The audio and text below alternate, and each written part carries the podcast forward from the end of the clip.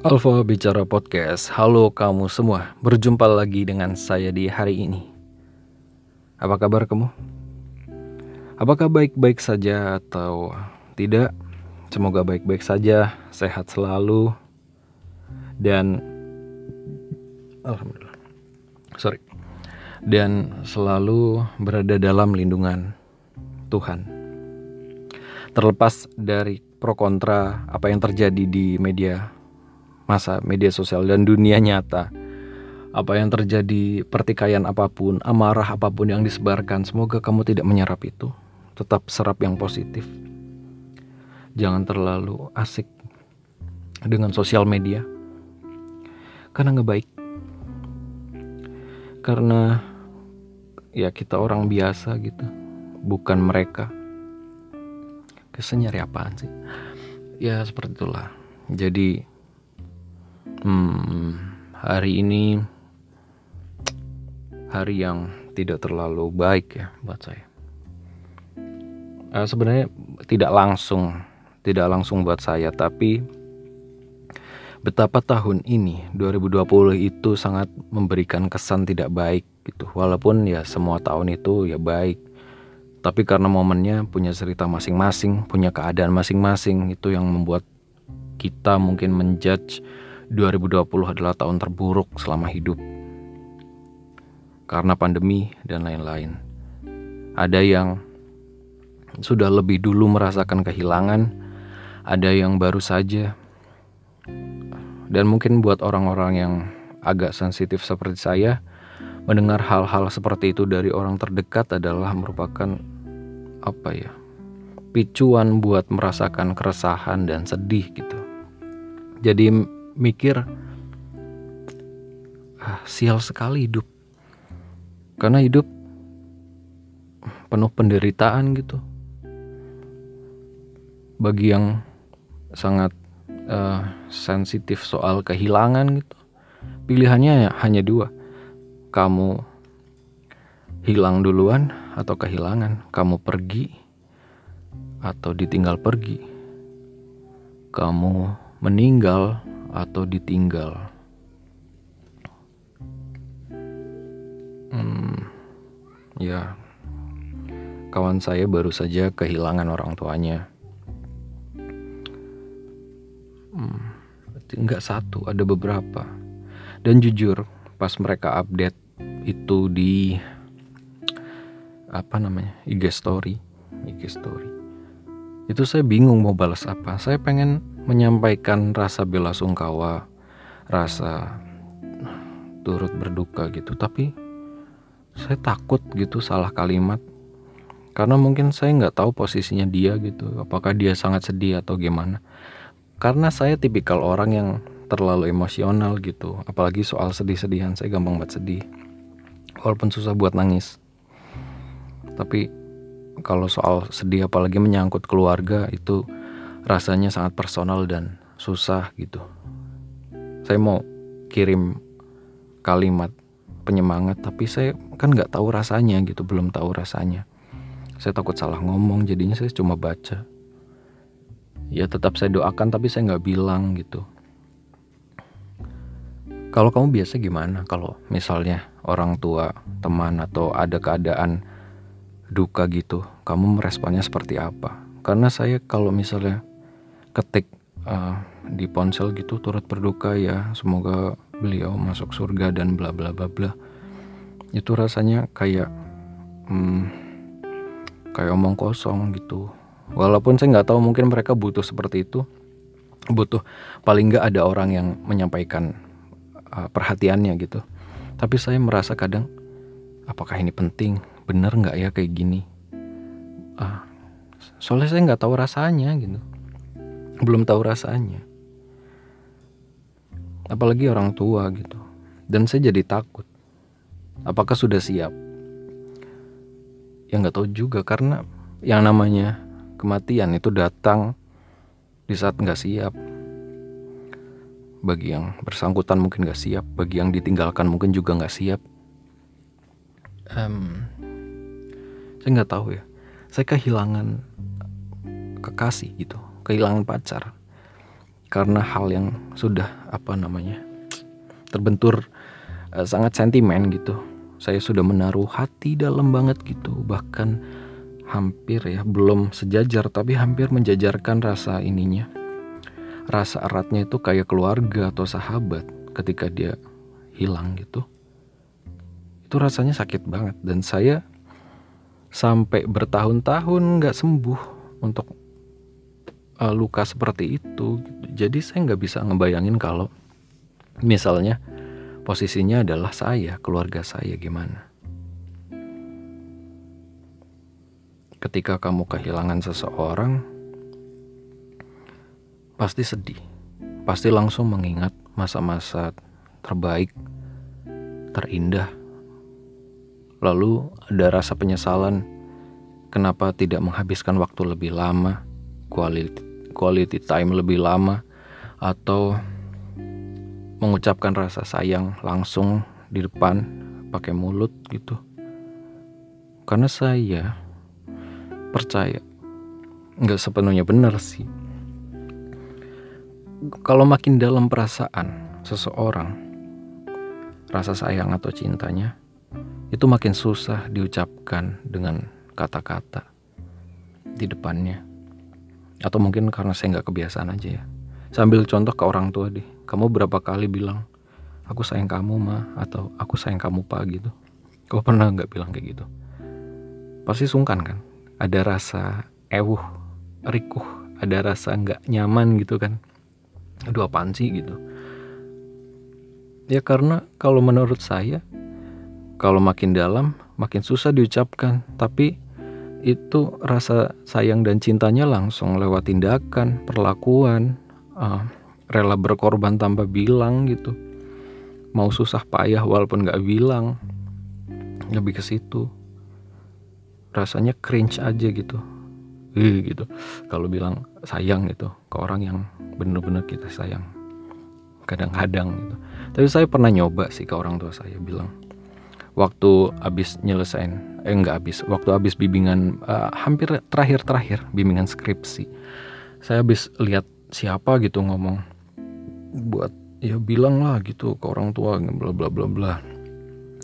Dengan segenap uh, kekuatan mengumpulkan segenap kekuatan. Saya bilang lewat telepon waktu itu saya di Semarang orang tua di Purwokerto. Saya bilang dan itu um, fakultas saya kan habis bimbingan di fakultas saya.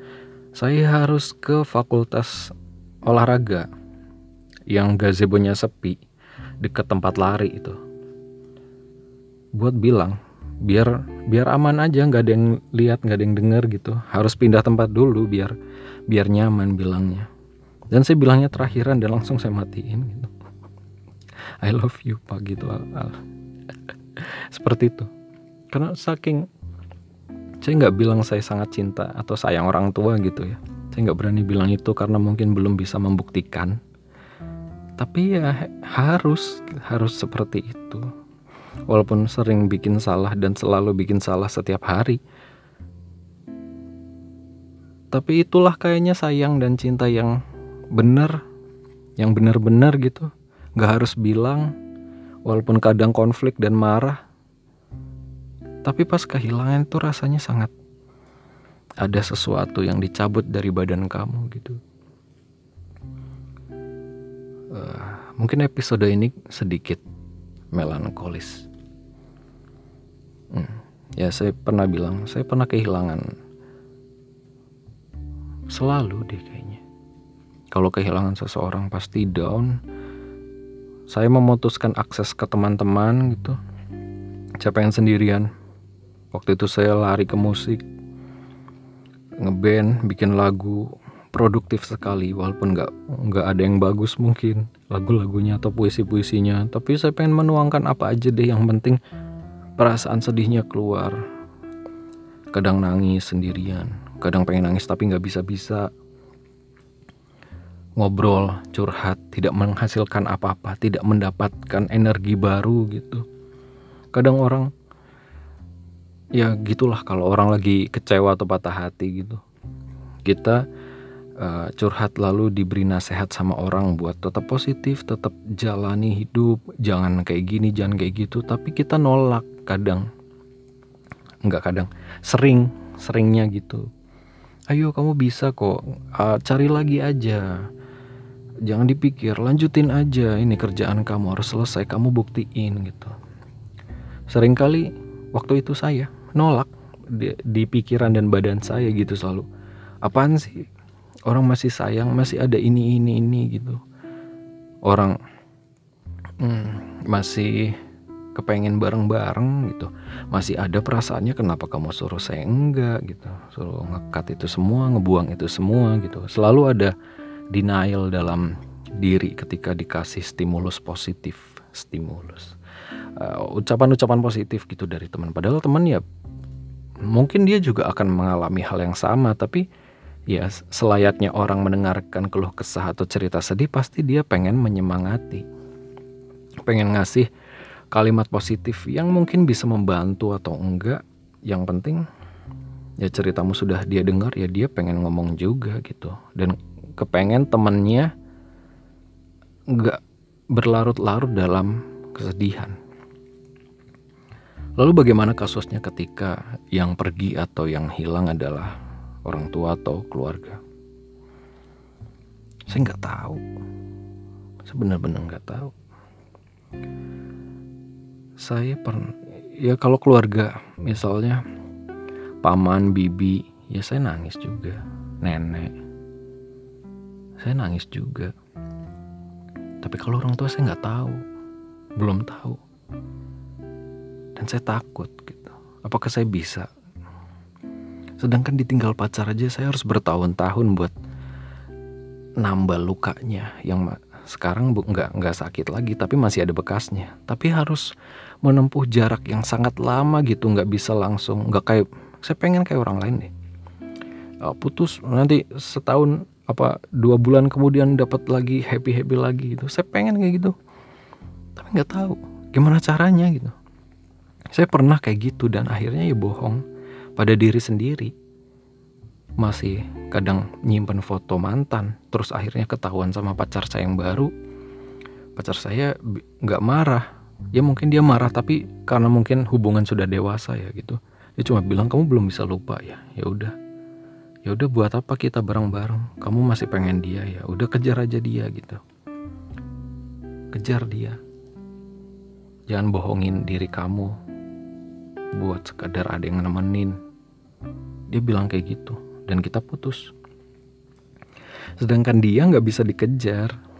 Mantanku yang itu udah nggak bisa dikejar lagi dan saya harus kehilangan orang lagi dan punya mantan baru gitu. Gitu. Sedangkan hal itu aja saya nggak bisa ngehandle apalagi kehilangan yang lebih besar. Dan emang corona bangke beberapa teman saya ada ada yang dikarantina di rumah sakit juga. Dan orang tuanya meninggal karena itu. Di apa catatan rumah sakitnya ya. Mungkin ada yang bilang dan nggak percaya bahwa corona itu ada. Ada yang bilang ini cuma konspirasi dan lain-lain. Tapi uh, what the fuck what the hell? Nggak peduli itu yang yang mengalami kehilangan tuh nggak nggak. Mungkin akan kepikiran tapi akan makin larut dalam emosi kesedihan dan amarahnya gitu tapi kita harus respect juga buat yang kehilangan. Uh, ucapan sadisnya adalah gini, yang kadang atau uh, di dalam diri saya bilang tapi saya nggak kepengen ngeluarin dalam tulisan dan ucapan gitu. Kamu bisa bilang kayak gitu karena nggak ngerti rasanya, bukan keluarga kamu atau nyawa kamu yang dicabut. Bukan kamu yang kehilangan, jadi kamu bisa seenaknya bilang Coba kamu di posisi itu. Ya empati sih lagi-lagi kembali berempati. Ya kita boleh tajam ke semua orang, ke semua pendapat orang tapi empati juga. Kecerdasan kecerdasan bukan hanya nilai matematik atau IPA IPS yang bagus tapi juga kecerdasan emosionalmu. Bagaimana kamu meng mentreat orang lain dan merasakan, mencoba merasakan yang orang lain rasakan. yang mungkin sampai saat itu pun kamu juga nggak bisa tahu gimana rasanya dia karena emang nggak benar-benar mengalami hal yang serupa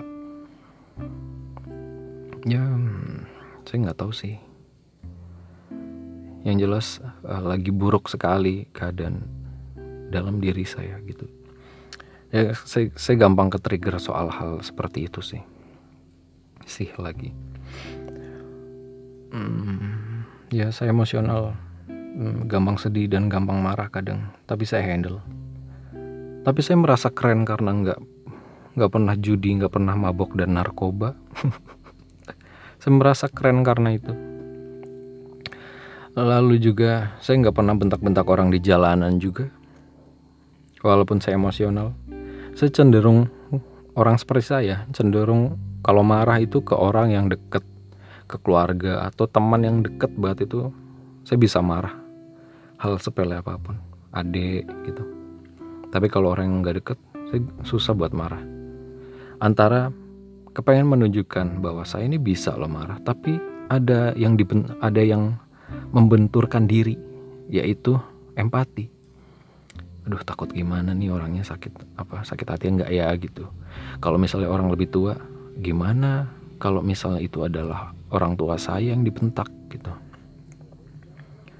Saya nggak kepengen kayak gitu. Orang tua saya dibentak atau adik saya dibentak atau dimarahi saya nggak kepengen. Tapi ya marah juga jengkel akhirnya ya dipendem dalam hati. Uh, terus lampiasin ke hal lain kadang.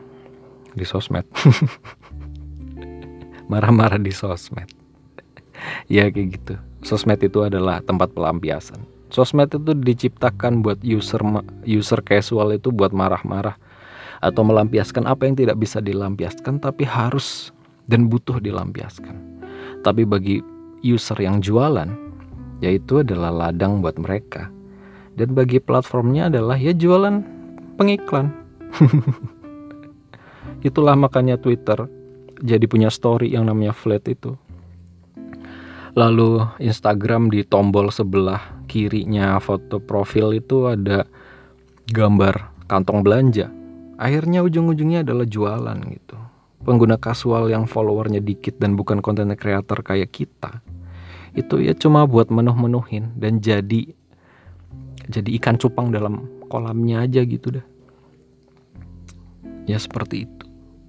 Di end of era gitu. Kayaknya udah udah nggak asik udah nggak menemukan keasikan seperti dulu bersosmed di luar di samping dari pertikaian kubu-kubu politik dan hal-hal yang lain yang dikit-dikit uh, beradu dikit-dikit uh, terbentur. Terbentur terbentur terbentuk. Tak berbentuk. Ah seperti itulah. Atau menjadi social justice wearable. Social justice warrior. Saya juga nggak tahu kadang social aslinya awalnya sih nggak tahu social just SJW itu apa gitu SJW SJW kirain singkatan buat yang porno porno gitu kirain singkatan buat yang itu tapi ternyata bukan ternyata adalah singkatan dari social justice warrior apa itu? Apa itu SJW? Apa sih itu SJW? SJW, Social Justice Warrior, adalah istilah populer di Twitter. Kurang lebih setahun yang lalu, saya membaca tulisan Apik Nesita Anggraini mengenai kecenderungan beberapa kenalan lawan jenis yang menggunakan SJW sebagai istilah peoratif untuk melabeli mereka yang berada satu barisan dengan gerakan feminisme. Tidak hanya dalam tulisan Nesita, beberapa kenalan saya kerap menuliskan istilah SJW untuk menyala, untuk untuk menyanggah argumen di laman daring. Mengutarakan kepenatan melihat opini-opini yang memperjuangkan tidak hanya isu feminis, tapi isu-isu politik, sosial, dan ekonomi. Bahkan sekadar menertawakan teman yang mulai menaruh perhatian terhadap permasalahan di ranah publik. Pertanyaan yang bisa jadi penting bisa jadi tidak adalah Apakah tepat SJW digunakan untuk mempresentasikan kelompok yang memperjuangkan kesetaraan dan meluruskan ketidakadilan sistemis? Atau mungkinkah selama ini tidak banyak yang benar-benar paham, termasuk saya, bagaimana istilah ini muncul dan sebaiknya digunakan? Menurut data Google Trends, pencarian definisi istilah SJW mendominasi tren terkait kata SJW dalam setahun ke belakang. Tidak sedikit pengguna Google di Indonesia mengetik kata kunci kepanjangan SJW, arti SJW Twitter. SJW itu apa dan SJW artinya? Ini artinya setidaknya masih banyak dari kita yang baru saja menemukan istilah ini di portal media sosial dan tergerak untuk mencari tahu sebelum menggunakannya.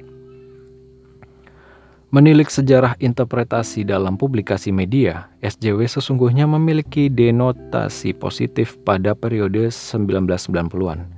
Misalnya untuk mengapresiasi Michael Cartland, pemimpin gerakan pemimpin gerakan asosiasi dagang di Quebec, Kanada, atau memuji mereka yang berprofesi di bidang hukum.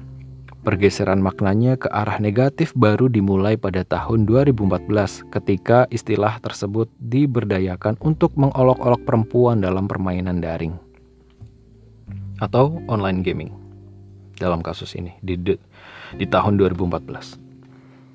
Ada dua definisi yang sejujurnya saya masih belum paham mana yang lebih tepat untuk di, untuk dijadikan acuan. Oxford Dictionary mengasosiasikan istilah SJW dengan makna peyorasi untuk mereka yang mempromosikan perspektif progresif. Urban Dictionary, portal yang menghimpun definisi bahasa gaul dari berbagai kontributor, menyajikan definisi serupa namun menambahkan bahwa mereka yang dilabeli SJW tidak hanya mempromosikan perspektif progresif, namun menggunakannya untuk menjadi pusat perhatian dan tidak benar-benar peduli dengan isu yang mereka sampaikan.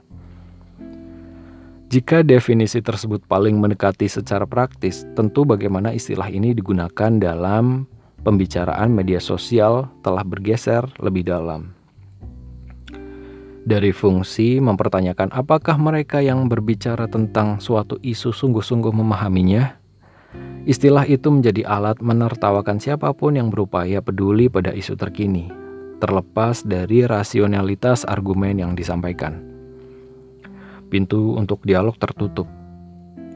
Sesungguhnya, penggunaan istilah SJW agak kurang sesuai untuk dipraktikkan dalam ruang-ruang bebas media sosial. Sebab, siapa pun boleh bersuara mengenai isu-isu publik yang meresahkan, Ketika definisi ini bergeser menjadi alat menertawakan siapa pun yang mulai peduli terhadap isu-isu publik, terlepas dari isi pesan yang disampaikan, hal ini meniadakan kesempatan untuk belajar melalui keterlibatan dalam, di dalam diskusi terbuka di media sosial. Walaupun seseorang tidak memiliki kaliber yang mumpuni untuk ikut berujar dalam isu progresif menyangkut permasalahan struktural, Mengasosiasikannya dengan istilah SJW tidak hanya tak berdasar, namun berpotensi menutup pintu Ben Wagoging. Apa nih?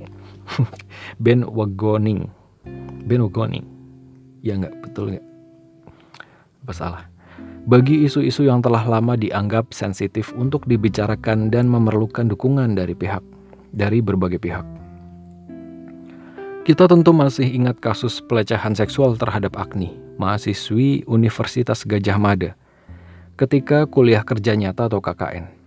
Kasus ini mengisi ruang media sosial selama beberapa minggu dan mulai dan memulai percakapan mengenai pentingnya standar penanganan kekerasan seksual di lingkungan akademis. Memang tidak sedikit yang mempertanyakan mengapa kasus ini berujung damai setelah perdebatan alot di publik. Namun penyintas kekerasan seksual dan mereka yang sudah hatam membantu perjuangan para penyintas paham betul betapa sulit membuka percakapan ini di tingkat otoritas kampus. Suara-suara beberapa pengguna media sosial yang dilabeli SJW karena turut mendorong tidak tindak lanjut kasus ini bagai kunci untuk pintu berkarat yang tidak pernah bisa dibuka. Penggunaan istilah SJW untuk mengakhiri obrolan dengan lawan bicara semata-mata untuk merendahkan keingintahuan personal juga merupakan penyakit terbesar. Pendapat sederhana yang tidak menyakiti siapa pun, seperti membantu pramusaji membereskan hidangan sampai diskusi mengenai imbauan di rumah saja bagi mereka yang bukan pekerja esensial di situasi pandemi. Saat ini ditepis dengan label peyoratif SJW. Label SJW dapat menjadi penyakit berkepanjangan ketika digunakan secara masif untuk membungkam kampanye dan ajakan-ajakan baik dari dan untuk individu tanpa berupaya mengutarakan argumen yang mendasari penolakan pesan tersebut. Karena media sosial merupakan ruang-ruang kedap tanpa tanpa sekat, tentu memberi label SJW boleh saja dan tidak akan menggetarkan satu negara. Namun, ia dapat menjadi penyakit berkepanjangan ketika label ini digunakan secara masif untuk membungkam kampanye dan ajakan-ajakan baik dari dan untuk individu tanpa berupaya mengutarakan argumen yang mendasari penolakan pesan tersebut. Alih-alih menjelaskan alasan mengapa kampanye tersebut tidak ia setujui secara konstruktif, kalimat-kalimat seperti banyak protes loh dasar SJW atau susah jadi pemerintah banyak SJW mencirikan persetuju persetujuan absolut terhadap otoritas tanpa mempertanyakan alternatif dari status quo yang mungkin telah dan berpotensi merugikan banyak orang. Untungnya setiap orang akan berpikir seribu kali untuk menyuarakan perubahan akan status quo. Merenung sebelum berujar hal lebih baik remeh. Apa nih? Merenung sebelum berujar hal lebih baik remeh temeh sampai hal-hal besar seperti kesenjangan akses terhadap kesehatan atau pendidikan sebab menghindari label SJW disematkan kepadanya.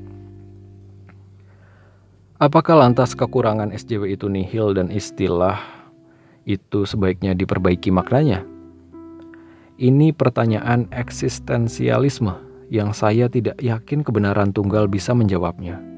Mungkin saja arti peyoratif SJW masih cocok untuk segelintir orang, seperti mereka yang menyebut dirinya memperjuangkan isu pemuda, namun menihilkan fakta di lapangan mengenai susahnya membayar uang sewa atau mencicil tempat tinggal di ibu kota dengan mendapat dengan pendapatan UMR yang diperoleh pekerja usia muda. Lalu mereka yang mengatakan dirinya paham dan peduli akan kesetaraan, namun menyerang korban kekerasan seksual dengan mempertanyakan mengapa kasusnya tidak dibawa ke meja hijau dan dijadikan parade tontonan kanal media sosial. Dan mereka yang paham adanya kesenjangan mengambil segenggam isu untuk menaikkan citra diri di hadapan mayoritas, lalu memunggungi pekerja-pekerja sosial yang telah aktif di isu tersebut untuk meraih keuntungan pribadi.